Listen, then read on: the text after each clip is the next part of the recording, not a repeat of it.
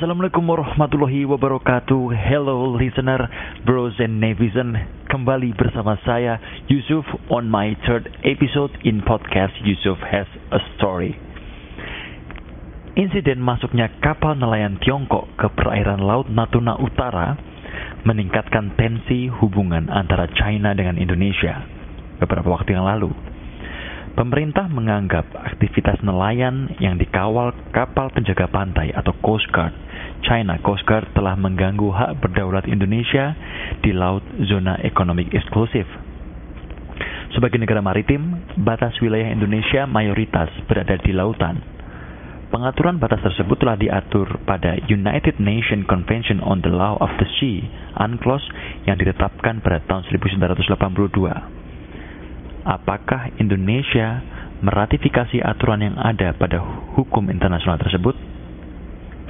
Aturan seperti apa yang diterapkan di perairan Indonesia? Bagaimana wewenangnya? Pertanyaan tersebut insya Allah akan saya jawab di episode kali ini. Selamat menyimak. Audio Jungle.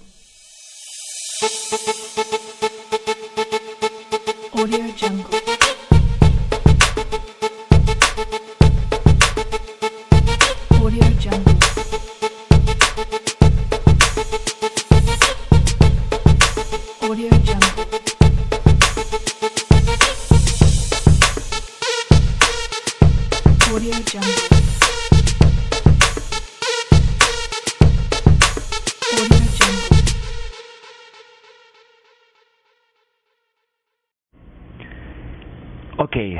Indonesia sebagai negara kepulauan menurut UNCLOS 1982 yang telah diratifikasi dengan Undang-Undang Nomor 17 Tahun 1985.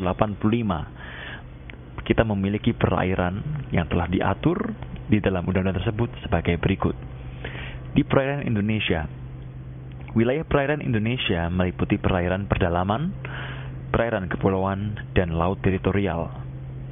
Perairan pedalaman sendiri adalah sebuah perairan yang terletak pada sisi darat dari garis air rendah dari pantai-pantai Indonesia, termasuk ke dalamnya semua bagian dari perairan yang terletak pada sisi darat dari garis penutup mulut sungai, teluk, dan pelabuhan.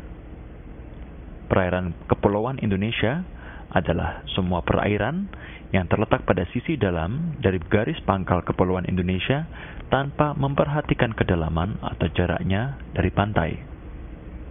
Sedangkan laut teritorial Indonesia adalah jalur laut maksimal selebar 12 nautical mile diukur dari garis pangkal kepulauan Indonesia.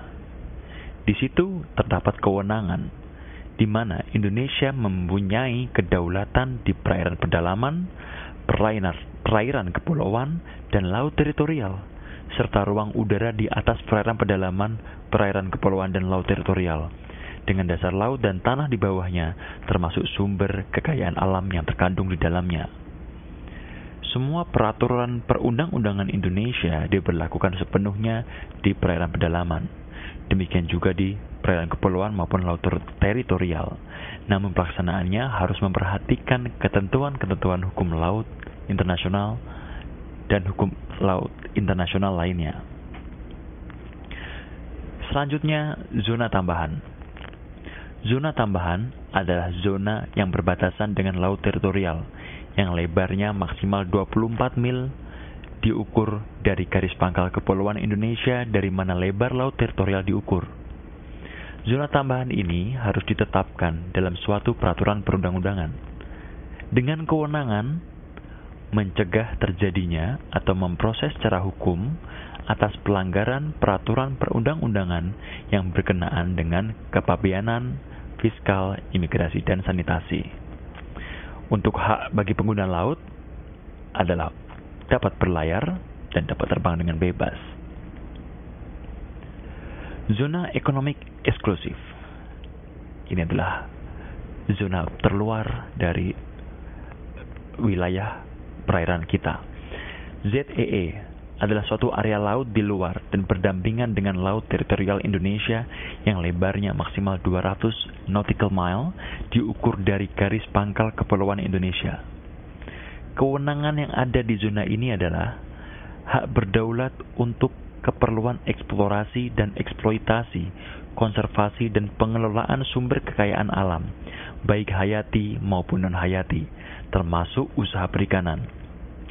Dari perairan di atas dasar laut dan dari dasar laut dengan tanah di bawahnya, serta berkenaan dengan kegiatan lain untuk keperluan eksplorasi dan eksploitasi ekonomi di zona tersebut, seperti produksi energi dari air, arus, dan angin.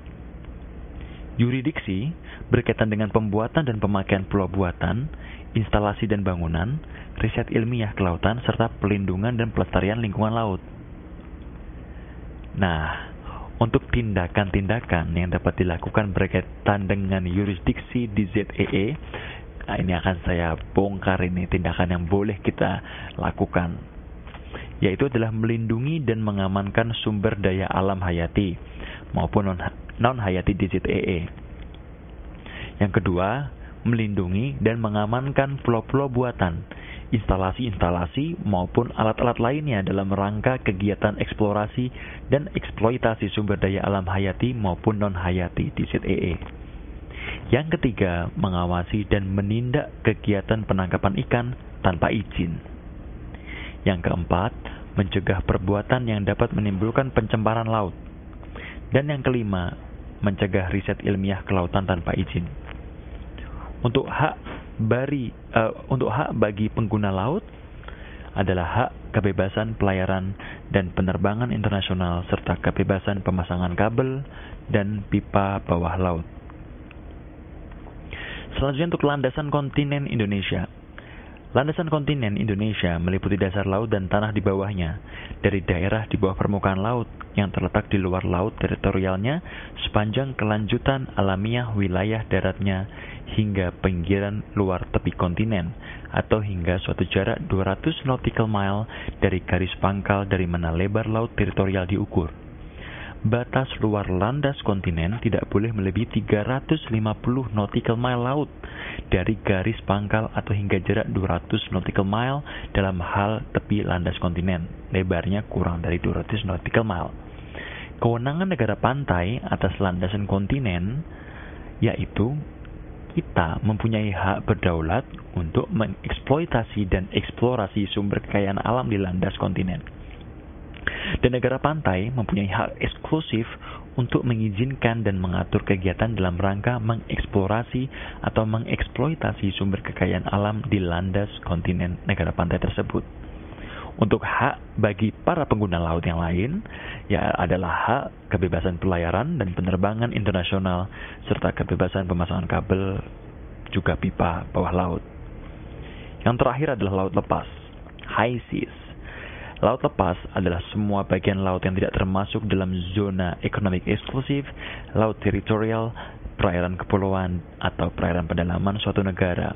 Dengan kewenangan kita di laut lepas, setiap negara harus mencegah, menindak, dan bekerja sama untuk menumpas perbuatan-perbuatan yang telah diatur dalam UNCLOS 1982 yang meliputi perompakan atau pembajakan, human trafficking, penyiaran gelap, kapal tanpa bendera atau kebangsaan,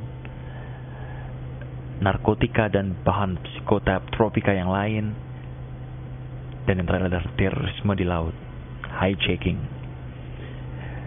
Kita harus bersama-sama untuk mengcounter segala ancaman tersebut sebagai pengguna laut internasional di laut lepas. Dan untuk hak-hak bagi pengguna laut, Kebebasan di laut lepas meliputi kebebasan berlayar, penerbangan, memasang pipa atau kabel di bawah laut, kebebasan membangun pulau buatan atau instalasi lainnya, menangkap ikan, kebebasan riset ilmiah kelautan dengan memperhatikan ketentuan yang tercantum dalam UNCLOS 1982, juga hukum internasional lainnya.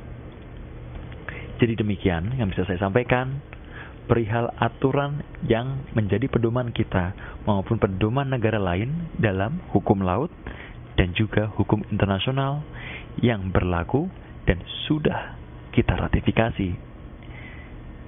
Namun, saya tahu apa yang berada di hati teman-teman sekalian. Mungkin masih ada yang mengganjal. Mungkin misalkan ya, um, jadi sebenarnya Indonesia itu benar atau enggak sih atas China, atas China terkait dengan permasalahan kemarin? Dan China mengklaim laut kita itu benar atau enggak? Atau jangan-jangan kita yang baper? Atau jangan-jangan dianya yang terlalu kurang ajar sampai mengklaim laut kita?